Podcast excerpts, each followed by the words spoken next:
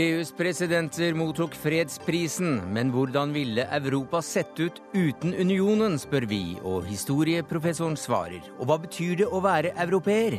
Eirik Fosnes Hansen forteller. Og hvordan var talene i rådhuset og øyeblikket da Angela Merkel og Francois Hollands hender fant hverandre som plutselig? Ket Hansen Bundt og Christian Berg Harpiken var der da det skjedde. Dessuten er en ny Kyoto-avtale i havn. Uholdbar, mener Natur og Ungdom.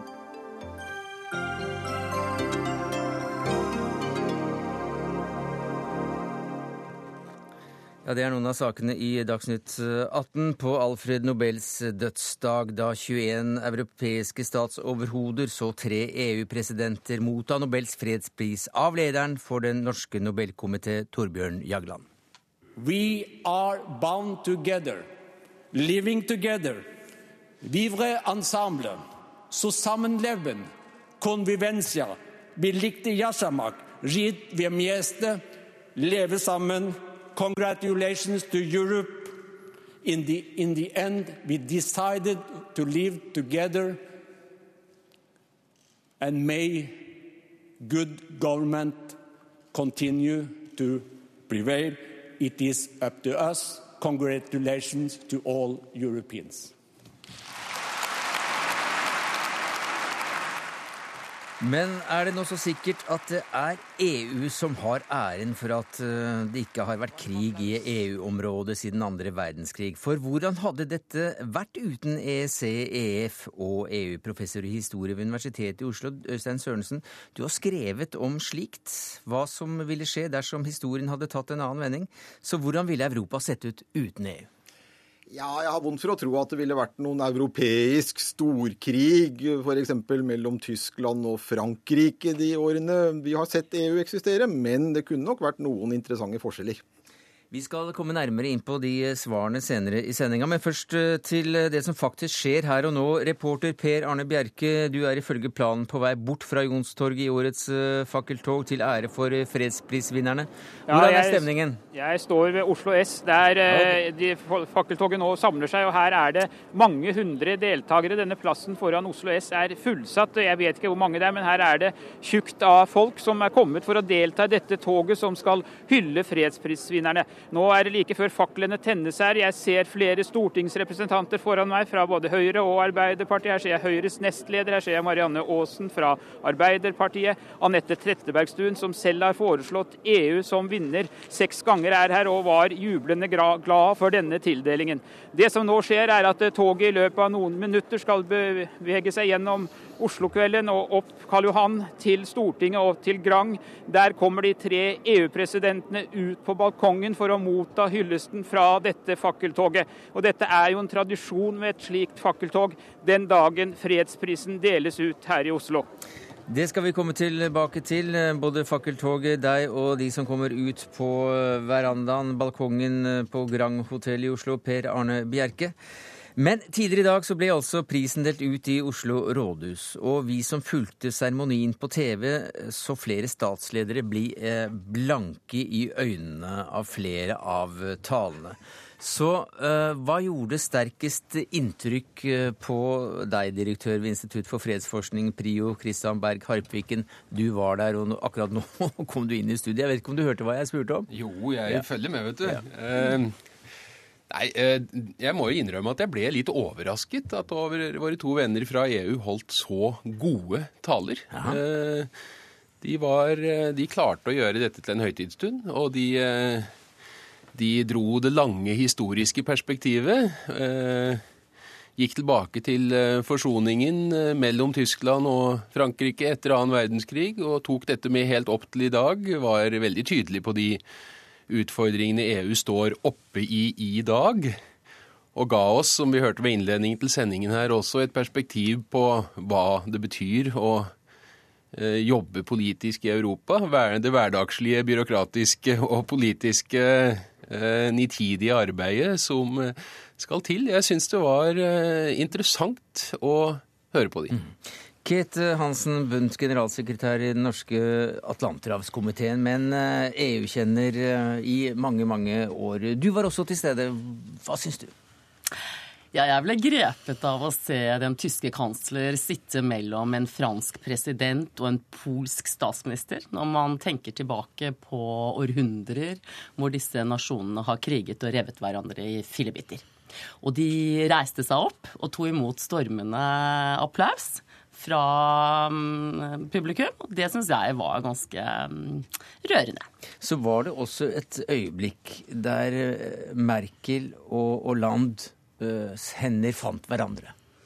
Ja, og jeg syns Merkel så nesten litt meget beveget ut. Nesten en liten tåre. Og det er klart at disse to arvefiendene, mm, det er uh, grunnlaget, kimen til det EU vi har i dag, sprang jo ut av den forsoning de hadde. Og van Rompuy sa i sin tale at ordet forsoning er jo egentlig noe vi bare bruker i privatlivet. Det er tilgivelse, og det er ikke sånn som forekommer mellom nasjoner, men det har det gjort mellom disse to. Og det var en måte å uttrykke at det er en verdifull prosess som ble startet på 50-tallet. Jagland holdt også en tale som vi hørte noe av innledningsvis her, Harpiken. Du nevnte at det var gledelig, om en, litt forbausende, at eh, de to, to, av de tre EU-presidentene holdt såpass god tale. Hva syns du om eh, lederen for den norske Nobelkomiteen i dag? Nei, jeg syns jo Jaglands tale var god. Det var en god begrunnelse. Men den bød på svært få overraskelser i forhold til den begrunnelsen, den korte begrunnelsen som Nobelkomiteen kom med eh, i oktober, da prisvinneren for 2012 ble kunngjort. Det var for så vidt en eh, utbrodering av eh, de samme temaene. Kanskje også eh, noe kraftigere i ansatsen, noe kraftigere i påstandene om hvor unikt et fredsprosjekt EU e er i en global sammenlignende sammenheng. Kanskje litt vel kraftig i påstandene på et par punkter. Men, eh, men eh, som sagt, en eh, god, velbegrunnet Et godt velbegrunnet innlag mm. for, for prisen. Rørte dette deg som historiker og kaldblodig krimforfatter, dessuten SV-politiker Hans Olav Lahlum? Eh, hva da? Eh, altså, disse, disse, talene som Ja, Nå har ikke jeg fått med meg talene siden jeg var på vei hit, men bortsett fra det. ja. Eh, nei, altså, men altså, det Hovedtrekkene i begrunnelsen er jo kjent fra tidligere. Men skal vi over på begrunnelsen, eller hvor skal vi hen? Ja, vi kan godt gå på begrunnelsen, for at du er jo ikke helt bombesikker på at dette var en, en verdig prisvinner. Nei, jeg har jo skrevet litt om det. at Jeg har spissformulert det litt og sagt at hvis det var en riktig prisvinner, så var det i hvert fall feil år. Fordi det er jo en veldig kritisk situasjon man står oppe i. Eh, og man opplever jo en eh, tillitssvikt eh, internt. Man opplever en økonomisk krise. Man opplever veldig mange ulike utfordringer. og det er jo et man stiller jo til ved spørsmål ved euroen osv. i forhold til om det har noen fremtid og sånn. Så det er liksom usikkert hvilken vei vi nå går. Jeg er enig i at EU har hatt en betydning for fred og samarbeid i Europa i et langt tidsperspektiv. Men da er det igjen spørsmål om tidsperspektivet. For det er litt sånn paradoksalt at når man ga fredsprisen til Obama i 2009 i den første eh, prisen med Jagland som komitéleder, så man, eh, eh, fokuserte man veldig sterkt på at nå skulle man tilbake til arven fra Nobel, og at det var innsatsen siste år osv. Nå ser man på sett og vis lenger tilbake enn man har gjort ved nesten noen tidligere fredstildeling, og legger et sånn kjempelangt tidsperspektiv. Så Det er litt fascinerende oppi det hele, og det spørs litt hvilket tidsperspektiv man skal legge til grunn. Ja, Hvilket tidsperspektiv skal man egentlig legge til grunn her, Neida, jeg har nok også bitt meg merke i det samme som Lahlum peker på her, at eh, begrunnelsene de, eh, de, eh, varierer litt fra år til år, og det er vanskelig å se helt hva som er konsistensen. Nettopp Obama-prisen ble da begrunnet med siste år og det fremadskuende, mens EU-prisen jo primært er begrunnet i det lange historiske perspektiv. Jeg er også enig med Lahlum i det han sier om at det er litt vanskelig å se hvorfor 2012 er et spesielt vel, velegnet år for en pris til EU. Men jeg vil vel si at uh, det at EU står i en krise i seg selv, bør ikke være en begrunnelse for at de ikke skal få prisen. Derimot så er jeg vel ikke overbevist om at EU viser seg som en så god krisehåndterer. At de adresserer den krisen så godt. At de er så dyktige på å faktisk uh, dempe forebygge det voldspotensialet som ligger i de enorme utfordringene Europa står oppe i nå, at det uh, kvalifiserer til en fredspris. Mm. Ja, nei, skal jeg begynne å argumentere mot det der? Det syns jeg hørtes ganske Jeg tenkte kanskje kunne fylle ut. Hva? Jeg tenkte kanskje du kunne fylle ut hvis du hadde lyst. Ja, ja nei, Det eh, kan, kan jeg eventuelt gjøre, men eh, det er rett og slett et bilde med en del plusser og en del minuser og en akkurat nå litt sånn uavklart sluttsum, på en måte. Altså, Vi får se hvordan man håndterer det. Det kan godt være at det står igjen om 30 eller 40 år at eh, EU, eh, bl.a. med sin langsiktige innsats for eh, samarbeid i Europa, bl.a. med betydningen av utvidelsen østover, som også kan få stor betydning, men også er litt uavklart i øyeblikket da. Så det kan godt være om 30-40 år at man vil si at EU var en verdig prisvinner, men jeg tror i så fall likevel at man vil eh, stille spørsmålstegn ved akkurat det momentet vi er inne på med året og timingen i forhold til det. Og så får vi ikke glemme da at det er jo veldig mange andre kandidater der ute, andre nominerte, som kunne fått prisen, som vi i dag alle ville vært enige om at var en verdig prisvinner i forhold til nå de siste år og sånt. Eh, Så allerede det at vi får den kraftige debatten vi har, og de veldig sterkt delte reaksjonene vi har, både i Norge og internt i EU, må vi også huske, ikke minst i Øst-Europa, så sier jo det litt om at det er en kontroversiell prisutdeling. Så, så ser vi faktisk at det avspeiler også litt at de siste årene så har jo komiteen da fellesnevneren er jo egentlig at man har vist en større vilje enn tidligere til å gå inn i pågående prosesser. Og det er egentlig en linje fra Obama-prisen til i dag, og egentlig også over de prisene imellom. Så der ser man en viss linje. Men tidsperspektiv og sånt varierer jo voldsomt, da. Postdoktor ved Arena senter for eh, europaforskning ved Universitetet i Oslo, Marianne Riddervold. Du øh, forsker på EU som internasjonal aktør og EUs utenriks- og sikkerhetspolitikk. Og vi har jo snakket mye, og begrunnelsen går jo på, på hvordan, eh, hvordan EU først og fremst har, har tatt seg av de områdene som er blitt til EU. Mens du også ser på, på EU som internasjonal aktør. Og, Hvordan ser det regnskapet ut? Hvordan oppfører EU seg når de er utaskjærs? Ja, Det er jo et uh, interessant uh, spørsmål, særlig kanskje fordi da EU fikk fredsprisen, så tok uh, eller, unionens talsmenn det også til inntekt for EUs utenrikspolitikk. Eh, Barroso og Van Rompuy takket jo for eh, blant, eller nevnte bl.a. at EU skulle fortsette å skape fred i verden og fortsette å gjøre verden til et bedre sted. Da man eh, mottok eh, eller fikk beskjed om at EU, fredsprisen skulle gå til EU. Eh, men det har jo aldri vært egentlig Nobelkomiteens begrunnelse. Nobelkomiteen har jo beholdt seg nettopp til dette at EU har vært en fredsbringende institusjon i Europa. Gjennom eh, institusjonalisering og rettsliggjøring, og ikke, minst stadige utvidelser av samarbeidet. Men eh, Barroso Van Rompuy sa jo da at EU vil fortsette å fremme fred og sikkerhet internasjonalt. Og fremme de verdiene EU bygger på globalt. Og det vil jo møtes med en ganske stor skepsis, eh, både i den norske debatten og også kanskje til dels i Europa. Og det er jo nettopp fordi at eh, det bryter med den måten vi tenker på utenrikspolitikk på. Fordi vi var forventer jo at staters utenrikspolitikk først og fremst handler om å oppnå egeninteresser. Mm. Så når stater, eller EU for den saks skyld, hevder at eh, man egentlig fremmer internasjonalt samarbeid og menneskerettigheter, eh, så vil man ifølge denne tankegangen si at nei, det stemmer ikke, egentlig ligger det egeninteresse bak. Og i det minste så vil, hvis det koster noe, så vil man i hvert fall tilsidesette disse målene. Så dette er jo da et eh, diskusjonstema i faglitteraturen. Eh, og det blir mye studert. Uh, og det er jo ikke noe om EU drives av interesser eller noe, er kanskje ikke noe man kan fastslå egentlig a priori. Og, og det vi ser, er vel på den ene siden at det er belegg for at EU ønsker å markere seg som en internasjonal aktør, som en global makt, til og med militært. Ja, hvordan, hvordan går det, da? Har de eh, kommet eh, et skritt eh, videre nå de siste par årene i å enes om en, om en eh, egen militærenhet? En egen, altså EU har jo ikke noe egen hær. De har bl.a. innsatsstyrker, som det kalles. Rullerende grupper som kan settes inn eh, på hvis man ønsker å utføre operasjoner. Men de har ikke blitt brukt. Det EU har, er at de utfører sivile og militære operasjoner. Og det man har utført er det nærmere 26, sto det i Europautredningen, som nærmer seg 30. Harpvik, jeg må nesten gå til deg som direktør ved, ved Fredsforskningsinstituttet. Hvordan er, eh, hvordan er fasiten hvis du ser på EU som eh, aktør eh, internasjonalt og det- å bygge fred? Det, jeg syns det er et eh, viktig spørsmål i denne sammenheng. Men den første refleksjonen er jo i samsvar med det Marianne Riddervold sier her, nemlig at det er mm, veldig perifert i Nobelkomiteens begrunnelse. Jeg hadde ventet at Jagland ville brodere noe mer i den retning i dag, i og med at det var så fraværende i den opprinnelige begrunnelsen. Det gjorde han ikke. Eh, enda mer påfallende er det jo at eh, de to herrene fra EU heller ikke broderer noe særlig i den retning. De kommer med et par prinsipielle betraktninger, men det er nesten litt i kategorien krig og fred og sånn. Det er ikke noe forpliktende. Det er ingen ambisjon som uttrykkes i det.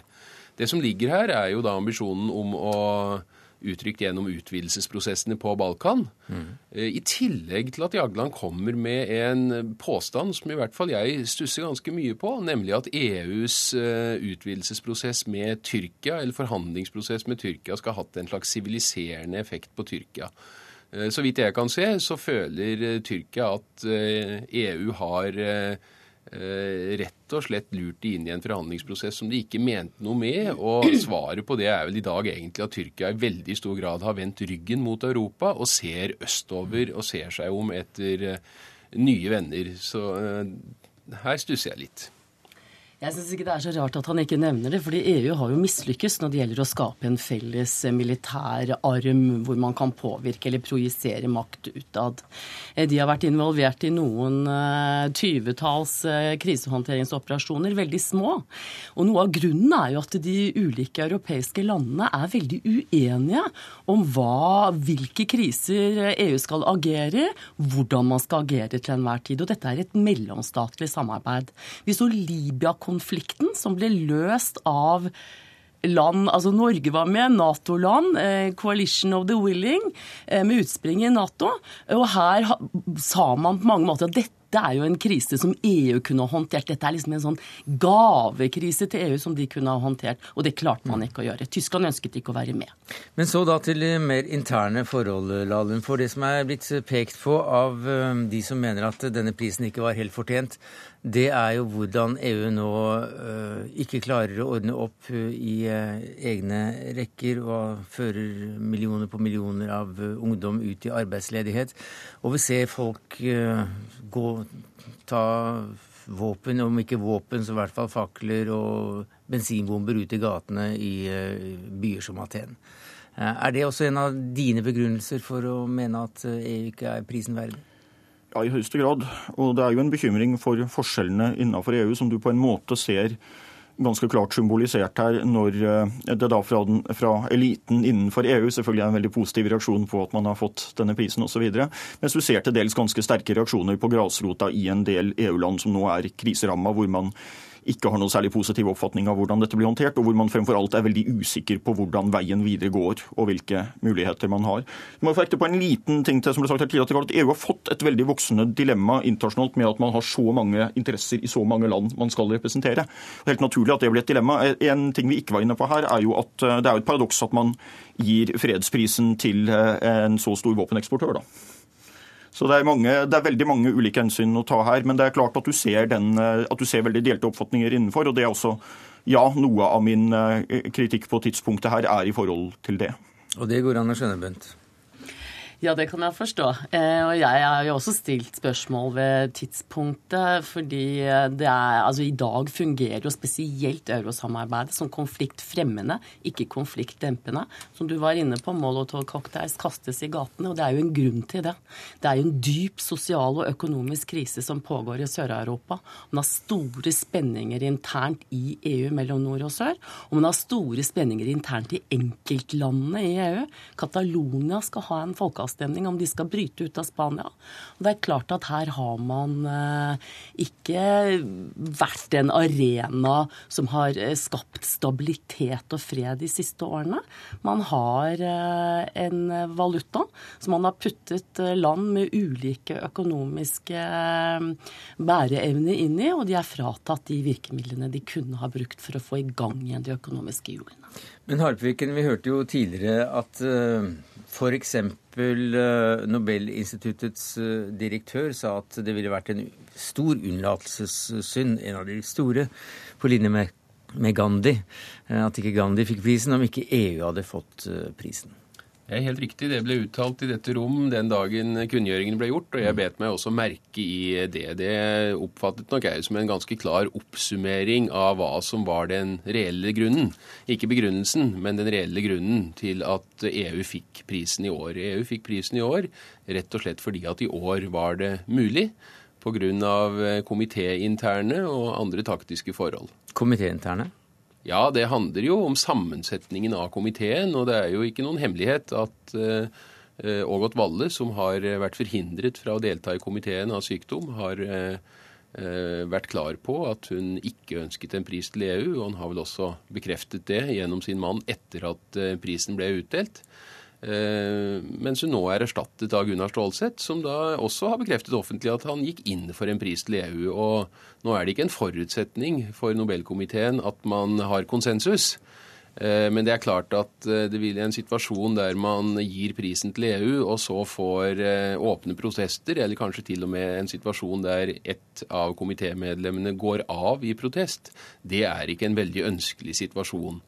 Eh, og så vidt jeg skjønner, så har ikke EU figurert sentralt i debatten i komiteen eh, de eh, forrige tre årene av Jaglands tid som mm. komitéleder. Så hvis SV-eren som ble forhindret fra å delta på, på drøftingene og avgjørelsen, hadde blitt erstattet av en SV-er isteden, så hadde altså ja, prisen ikke gått til EU i år heller. Vi skal være litt forsiktige med å si det, fordi det har jo vært ulike ting her tidligere. Det har vært eh, komitémedlemmer som har avgått i protest mot eh, priser som ble tildelt, og det har vært delte meninger i komiteen. Så jeg tror vi skal være litt forsiktige med å si at det er en absolutt sammenheng. Men det er jo et tankevekkende moment i det hele. Det er det. Ja, og så er det jo også mange da som blir veldig moralsk forarget eh, over det, inklusive Lahlums partifeller. Jeg må nok innrømme at min moralske forargelse er meget begrenset. For jeg oppfatter nok at eh, når SV da plasserte sitt medlem i komiteen, så var vel det en, samme, en, del av den samme type politiske spill. Det var nettopp for å bruke komitéplassen til å forhindre en pris til EU. Mm. Så når noen andre da spiller det motsatte spillet, så er man vel egentlig bare kvitt. Det så ikke ut som Lahlum var helt enig i akkurat den analysen der, men eh, takk Takk skal du ha, Hans Olav Lahlum, historiker, forfatter og her også da vel som SV-politiker. Marianne Riddervold, postdoktor ved Arena senter for europaforskning. Kristian Berg Harpiken, takk skal du ha som direktør ved Institutt for fredsforskning. Prio, du er pyntet i trengsel. Vet du hva du skal få der nede på Grand hotell om en time ganske nøyaktig? Nei, jeg har ikke fått eh, sjekka menyen, men jeg er sikker på at det blir velsmakende, og jeg er sikker på at det også blir gode taler, så jeg gleder meg. Takk skal eh, du ha. Men eh, så da til et helt naturlig spørsmål. Det spørsmålet vi eh, begynte med, nemlig om det hadde vært fred i EU-området uten EU. Europa eh, som Dette spørsmålet er det få som har svart på til nå. Men president Rompoy for Det europeiske råd, han svarte slik. Excellencies, ladies and gentlemen. Of course, peace might have come to Europe without the Union. Maybe. We will never know. But it would never have been of the same quality. A lasting peace, not a frosty ceasefire. Vi kommer aldri til å få vite om det hadde blitt fred i Europa uten EU, sa presidenten i Det europeiske råd, Rompuy, i eh, sin tale. Men som historiker så um, har du også da glede av å tenke og skrive om hva som hadde skjedd hvis ikke det som skjedde, skjedde, Øystein Sørensen, professor i historie ved Universitetet i Oslo. Du nevnte innledningsvis her at du ikke ser for deg at det hadde blitt de helt store krigene uansett. Hvordan begrunner du det?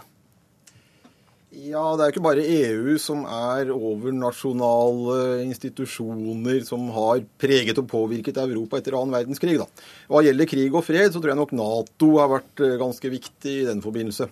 Og det at de gamle fiendene Tyskland, i hvert fall Vest-Tyskland, Frankrike og Storbritannia har tilhørt samme forsvarsallianse, det er nok ganske viktig, det også.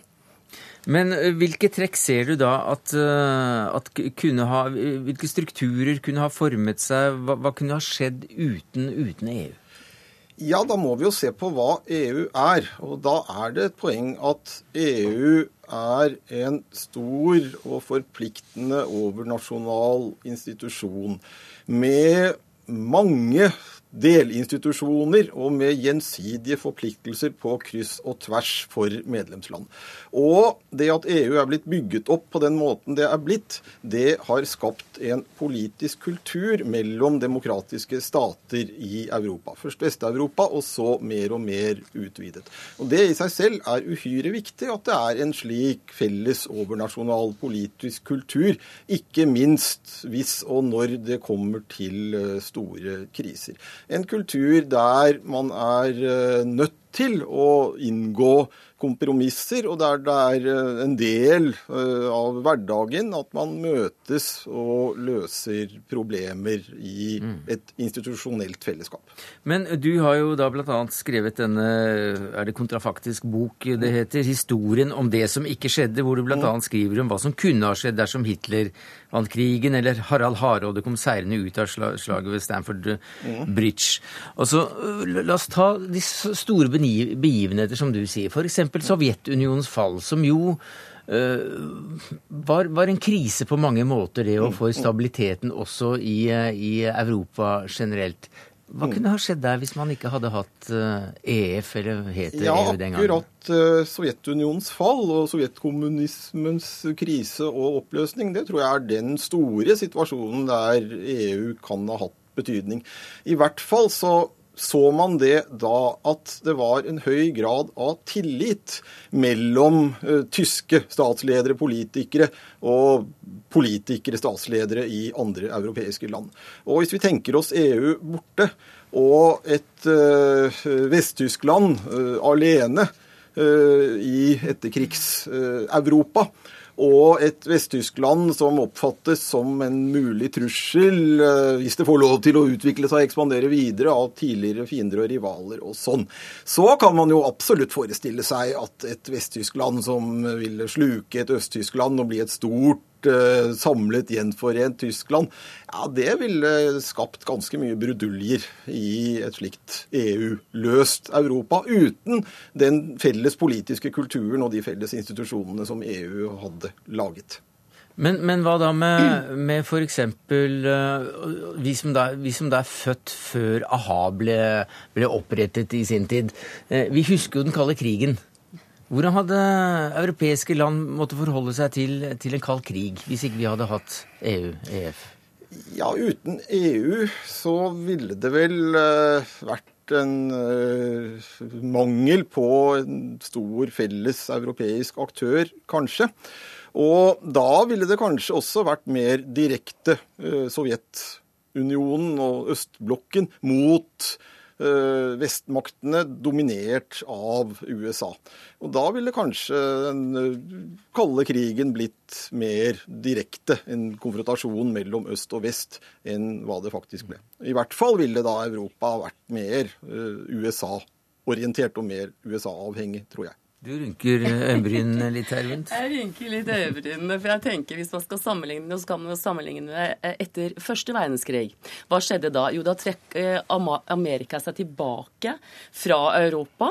Det gjorde de ikke etter annen verdenskrig. De ble her i form av å lede alliansen Nato som var med på å, å, å remilitarisere militarisere Tyskland, støtte opp de europeiske landene mot en felles fiende, Sovjetunionen. Og jeg tror Sovjetunionen har vært veldig viktig for stabiliteten i Europa i etterkrigsperioden, pluss at USA har tatt seg av sikkerheten under den kalde krigen. For hva gjorde EU? Jo, de skapte et stort frihandelsområde, de skapte økonomisk vekst, og de skapte velstand. Det er kanskje noe av det viktigste som har bidratt til fred i Europa i etterkrigsperioden. Og kanskje hvis man skal spørre fremover, hva vil skje hvis vi får et EU som ikke leverer økonomisk? For utvidelsen også har vært motivert av at man har fått goder, økonomiske goder og tilgang på markeder internt i Europa for de østeuropeiske landene. Jeg tror det er det økonomiske som er det viktigste med EU. Ja, jeg er i grunnen enig i at det er i hvert fall veldig viktig. Og for å avrunde det vi har snakket om så langt, så vil også jeg nedtone EUs betydning for fred og Aha. krig i Europa. Men når det gjelder økonomiske og sosiale spørsmål, så er helt åpenbart EU svært viktig. Og Da er det vel grunn til å ta tak i noen tråder fra det dere diskuterte tidligere her i dag, nemlig at eh, ja, det er ikke helt entydig det der på det økonomiske området. På den ene siden har helt åpenbart EU bidratt til økonomisk vekst og sosial velstand. Men på den annen side er det visse utslag av EU, og ikke minst eurosamarbeidet, som også har bidratt til i hvert fall å forsterke økonomiske problemer i en rekke land.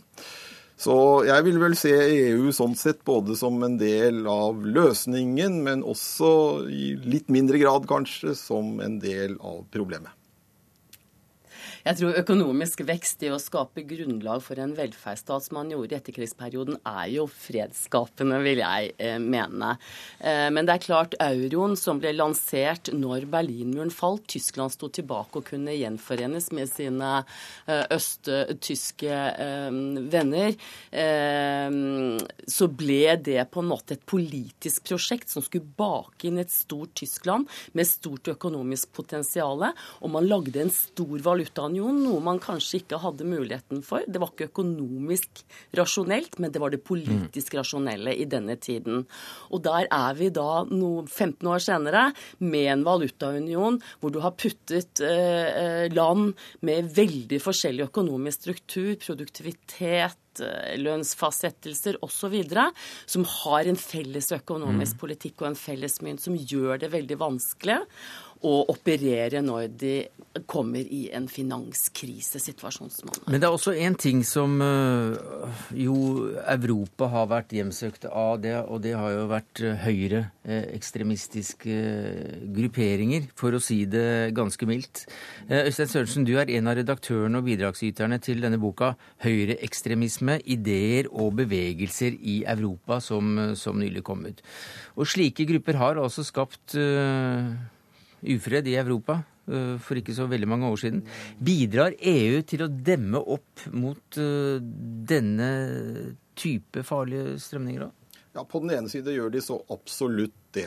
EU er en sammenslutning av demokratiske stater. Og hvis vi for enkelhets skyld tenker oss ekstremisme som uh, udemokratiske bevegelser og strømninger, så bidrar helt åpenbart EU til å marginalisere slike strømninger. Ja, hvordan da? Og ja, eh, først og fremst tror jeg gjennom en felles eh, politisk kultur med felles forpliktelser som bidrar til å dempe både økonomiske og sosiale spenninger, og sørger for at ikke eh, enkelte lands nasjonalismer får lov til å bre seg uhemmet som de gjorde f.eks. i Europa i mellomkrigstiden.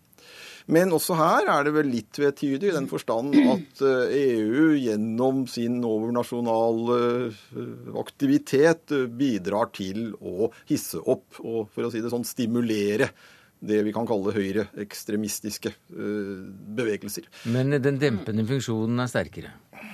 Ja, så langt så vil jeg vel tro og mene at den er det. Et Europa uten EU ville kunne vært et Europa der enkelte land hadde valgt både en økonomisk og en politisk nasjonalisme, med de mange uheldige følger det kunne ha fått.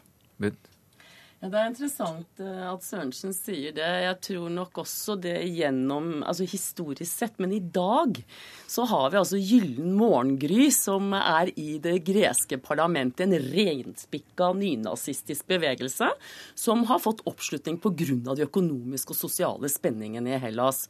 Vi har Geert Gert Wilders i Nederland, eh, som ikke gjorde det så bra under valget forrige gang, men som har en stor oppslutning, og som har vokst frem i en sånn anti-EU-holdning, hvor han mener at en overnasjonal union fratar på en måte Nederland deres nasjonale eh, rettigheter. Noe av det samme.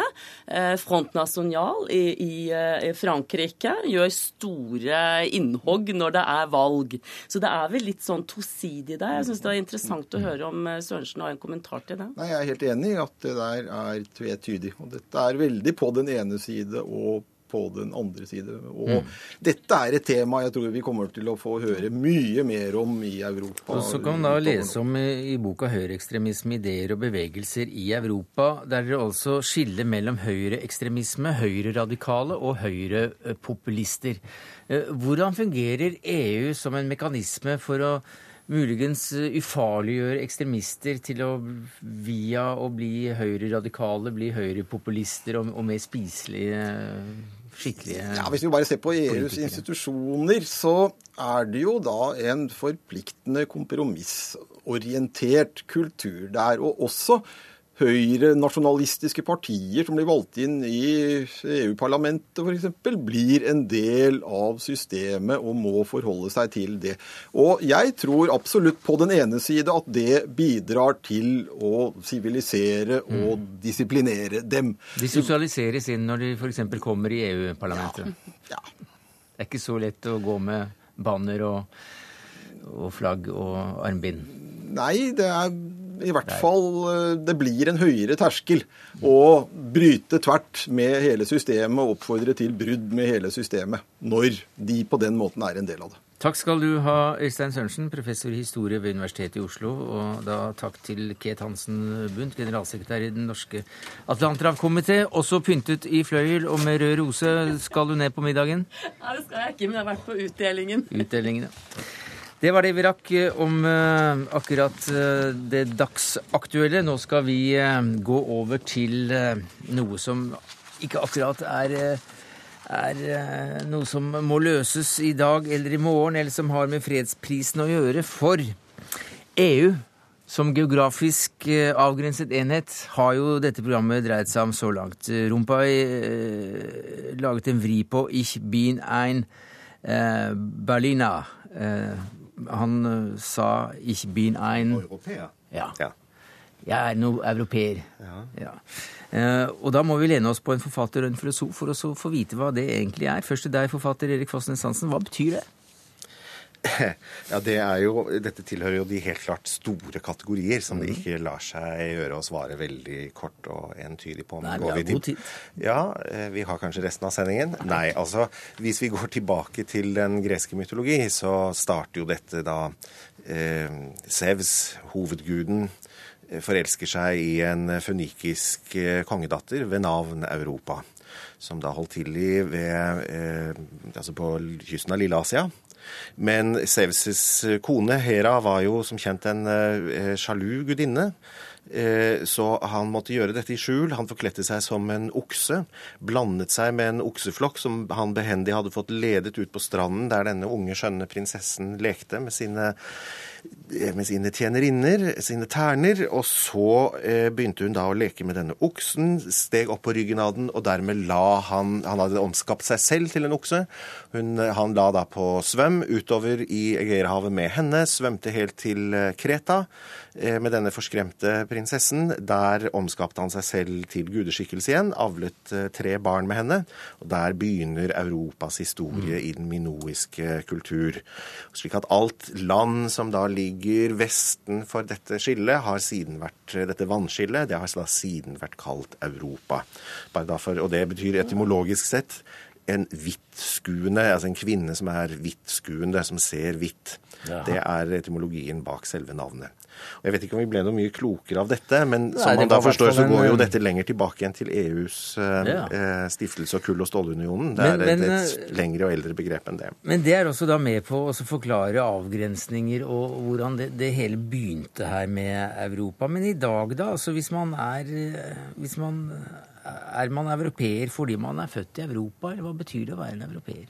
Det har vel å gjøre med eh, Nei, nok er, det, nok er det ikke bare å være født der. Det har nok å gjøre med et indre innhold man bærer med seg, eller bevisst eller ubevisst også er en del av, gjennom språk, gjennom kultur, gjennom litteratur.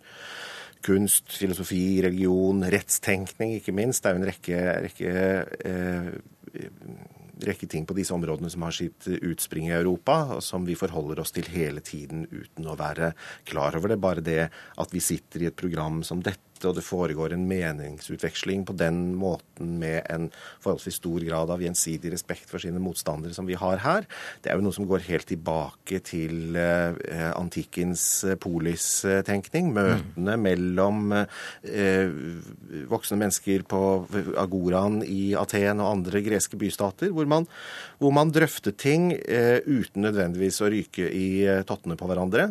Kan man si at eh, europeiske kultur er jo heller ikke den eneste kultur som har, hatt et, eh, som har hatt stammeråd eller den form for ting, altså for meningsutveksling. Men i Europa er vel eh, dette blitt institusjonalisert og til en del av det bærende elementet også i mye større samfunn enn kanskje andre steder. Gjennom Hellas, nevnte jeg, men også naturligvis gjennom, eh, gjennom den romerske republikken frem til keisertiden og den, den tenkningen som ble knesatt der. Og da er vi langt inn på ditt område som filosof. Ja, jeg der, eh, Berg. start, her. her. Eh, Ja, jeg tror du eh, For å snakke om Europa som kanskje som et meningsinnhold, da, til en viss grad, så tror jeg du må tilbake til den gresk-latinske eller gresk-romerske tradisjonen. Litt sånn hvis du ser på meningsinnhold. Og slik jeg ser det, så ligger det nok et, et slags menneskesyn der. Det er mange deler. Når vi tenker på Europa, så det er veldig vanskelig å ikke tenke på opplysningstiden også. Det er en veldig viktig del, men dette henger sammen. Men jeg tror Aristoteles nå vil stille seg spørsmål hva, er det gode samfunn? Og så svarte han det er et sted hvor du kan leve gode liv. Og hva er det gode liv? Jo, sier Aristoteles, det er når mennesker lever i samsvar med sin natur som menneske. Hva var det natur som menneske, sier Aristoteles? Jo, det som er særegent for oss, i motsetning til annet organisk liv, det være seg planter og dyr, er at vi er i stand til ikke bare å bli styrt av krefter utenfor oss, eller eventuelt krefter som virker innenfra, men vi er i stand til å styre oss selv gjennom å treffe beslutninger og valg. Altså vi har, I dagens språktak så vil man bruke begrepet autonomi. Altså vi er autonome, vi er selvstyrende vesener. Og det at det gode liv for et menneske er å leve på en sånn måte at det faktisk kan utøve myndighet og autoritet over sitt eget liv. Og da siden det er flere enn meg her, så må vi komme sammen og bestemme over fremtiden sammen. Som man gjorde da f.eks. i de tidligste demokratiene. Mm. Frivillige selvbegrensning. Ja, med andre ord. Og, og den tanken der, altså individets uh, autonomi, det at det kan styre seg selv Og det er klart at vi hadde den lange middelalderen. Mange snakker om mørke middelalderen. Den var ikke spesielt mørk antageligvis, men i hvert fall du fikk den, eh, den, den italienske renessansen på 1400-tallet hvor man begynte å skulle vekke til live noen av disse tankene om at mennesket er i stand til å styre seg selv ved å komme sammen og vedta organer som kan styre oss.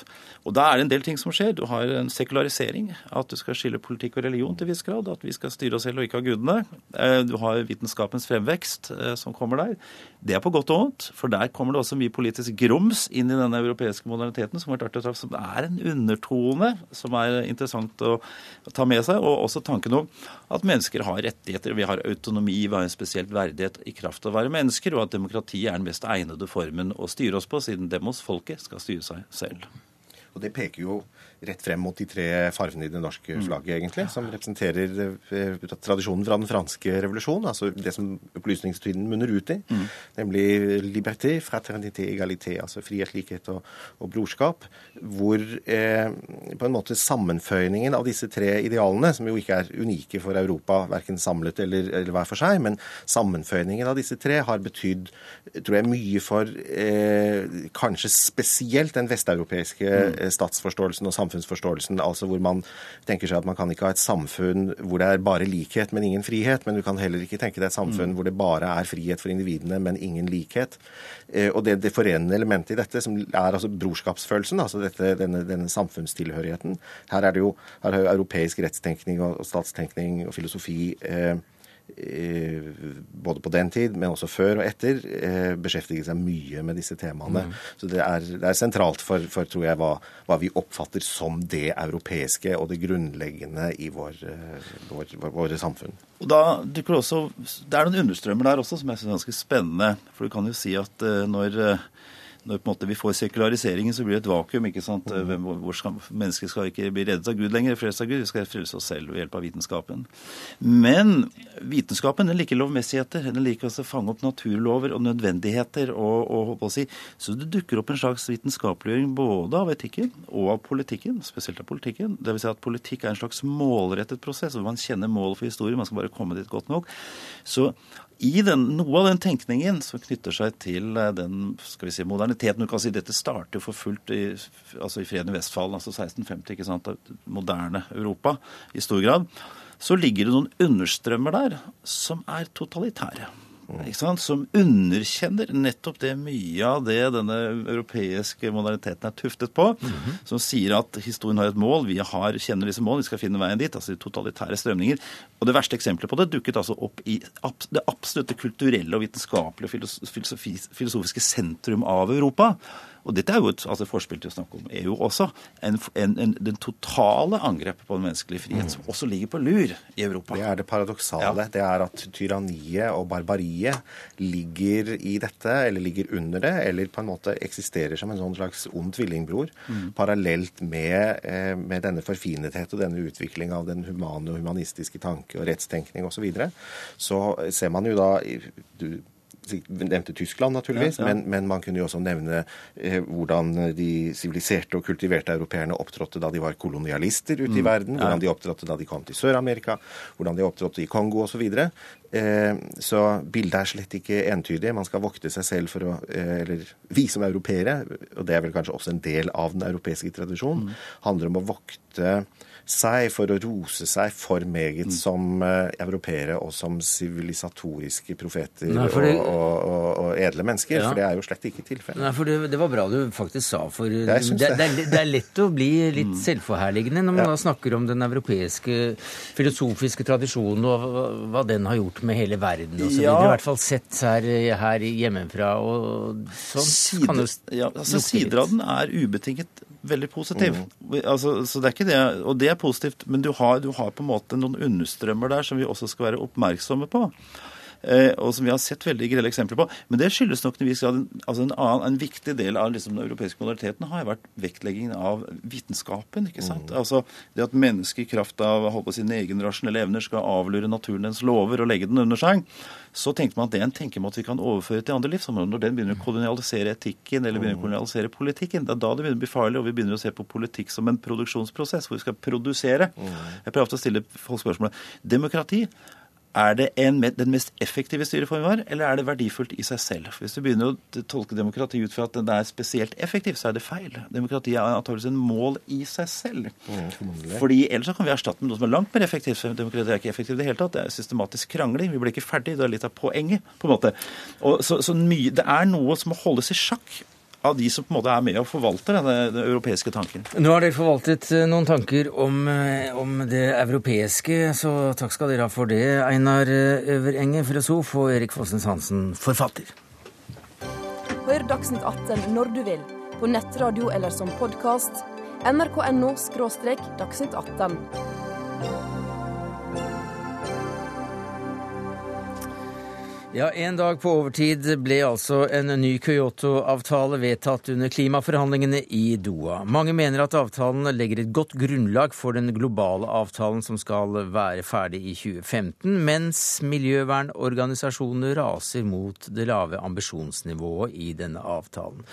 Ole Mattismoen, du er leder i Aftenpostens politiske avdeling, og du har fulgt klimadebatter og klimaspørsmål i en årrekke. Du var også i Doha.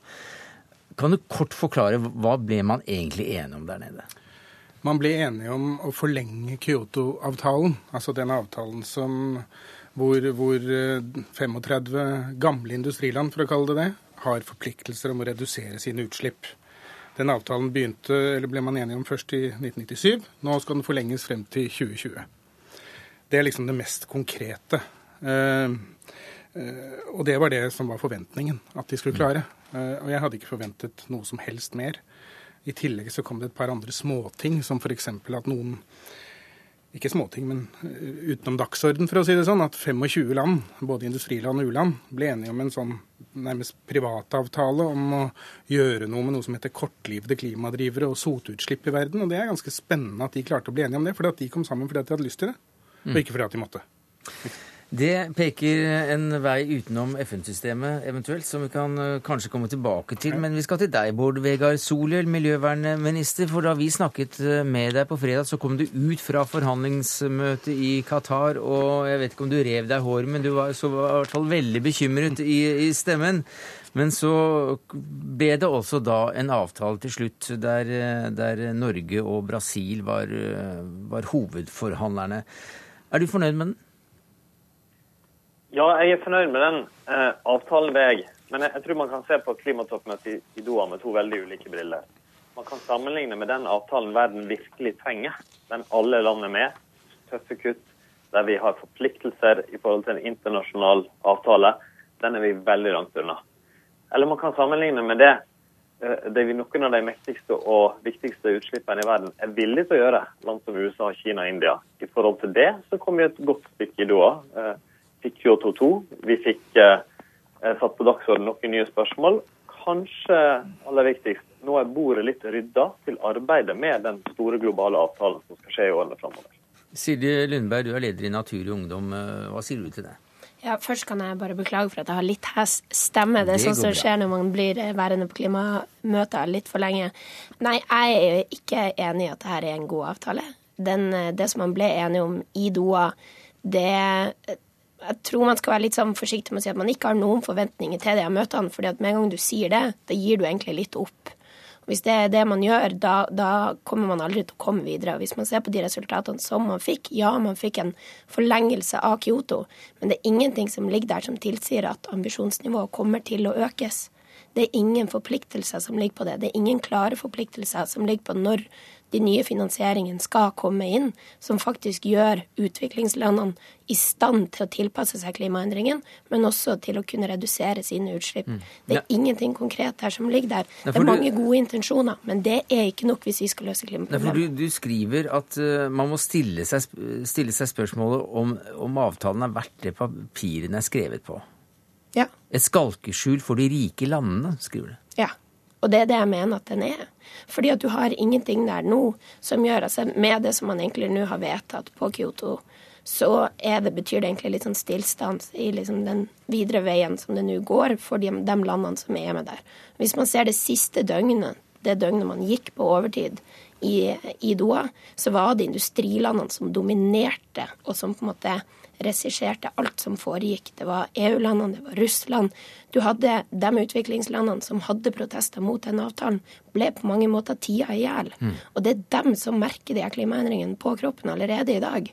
Og da er det et problem da, når man da nå blir eh, ferdig, man banker gjennom den avtalen, og så har man, har man på en måte industrilandene som klapper hverandre på skuldra og sier 'bra jobba, her redder vi Kyoto'.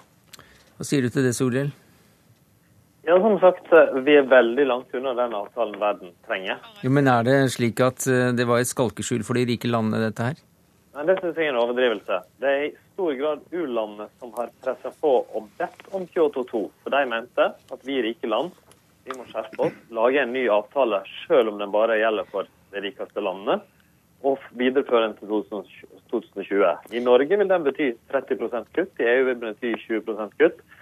Så den, eh, ble det en drama på slutten der Russland prøvde å få til en endring som kunne økt eh, CO2-utslippene med opp til 13 milliarder tonn CO2 ekstra. Det klarte vi å forhindre. Men det er riktig at det som er det egentlig store utfordringa, det er å få med alle verdens store land på enda tøffere og mer Men akkurat nå snakker vi om den avtalen som foreligger eh, per i dag. Ja, for det som de utviklingslandene har bedt om, ja, de har bedt om en videreføring av Kyoto, men de, de har bedt om en videreføring av Kyoto med mer ambisjoner og med finansiering, og det har de ikke fått. Man har fått et litt sånn skalkeskjul på, eller litt sånn tomt skall av denne videreføringa. Ja, du har fått det, man kan kalle det, man kan si at man har en ny avtale, men hva er det den gjør?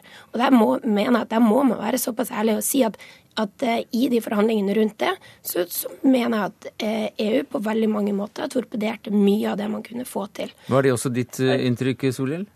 Nei, jeg er faktisk ikke enig i den beskrivelsen.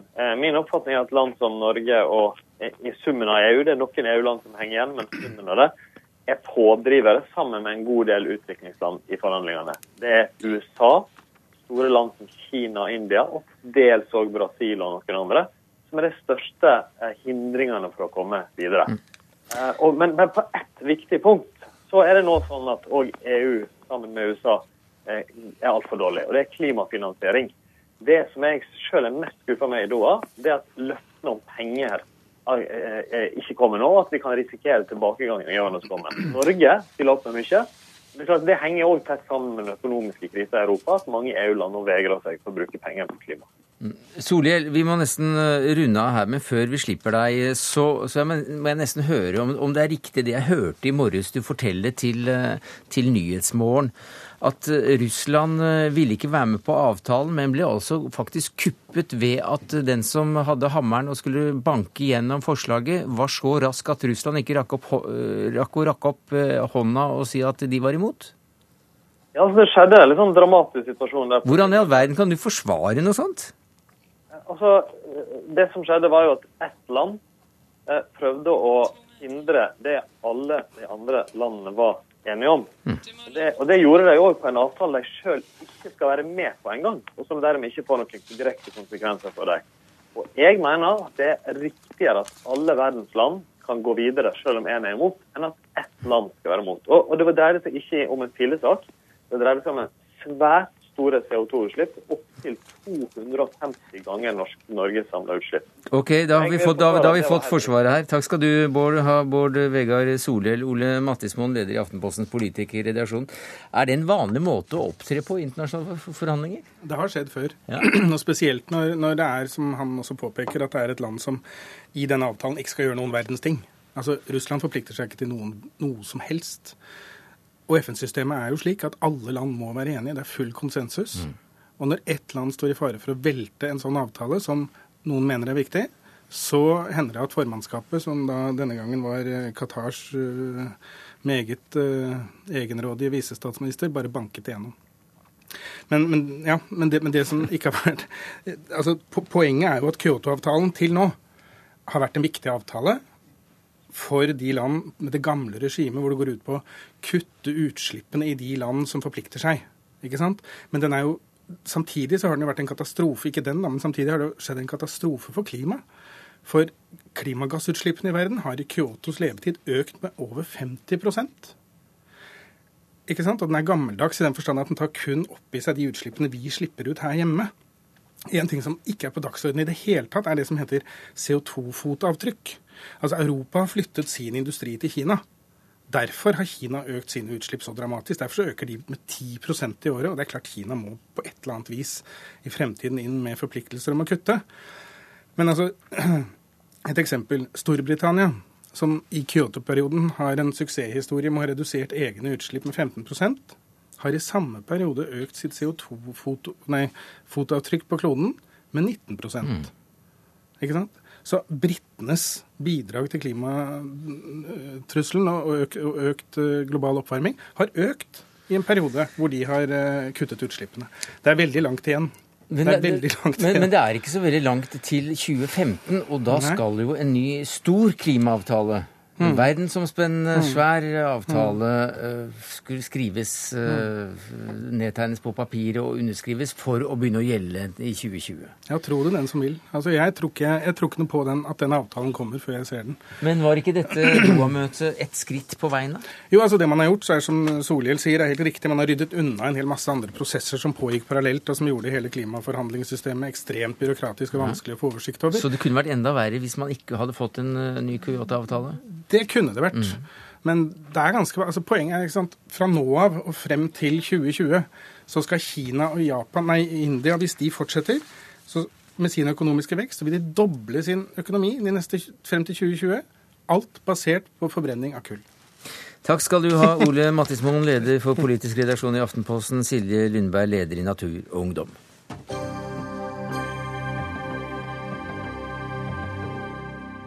For vi skal som snarest tilbake til Oslo sentrum og fakkeltoget til ære for EU. Reporter Per Arne Bjerke, du er vår representant i fakkeltoget. Er dere kommet eh, fram til Grang nå? Ja, nå står vi foran Grang. Eidsvoll plass er helt fylt av mennesker som står her med fakler og venter på at de tre EU-presidentene skal komme ut på balkongen på Grang hotell rett foran meg her. Det er eh, veldig godt eh, fremmøte her denne desemberkvelden, og det har vært et tog som har gått gjennom Oslos gater. Det er et flott skue å se alle disse lysende faklene denne desemberkvelden. Og dette er jo, som vi vet, en tradisjon at fredsprisvinnerne blir hyllet av et fakkeltog på denne måten. Man venter nå på at presidenten skal komme ut. Jeg ser de er bak eh, dørene der, som ennå ikke er åpnet, åpnet, men hvert øyeblikk nå så kommer de ut. Og jeg hører at eh, folk begynner å rope litt utålmodig her, og venter på at eh, de tre skal komme ut på balkongen. Helt kort til slutt, så er det flere i dette fakkeltoget som støtter eh, dette, denne fredsprisen enn de som var imot i går? Det er alltid veldig vanskelig å bedømme, men slik jeg ser det, så er det nok mye, mange flere her enn det som var i går. Mm. Takk skal du ha, Per Arne Bjerke, foran, eller under balkongen på Grand hotell i Oslo.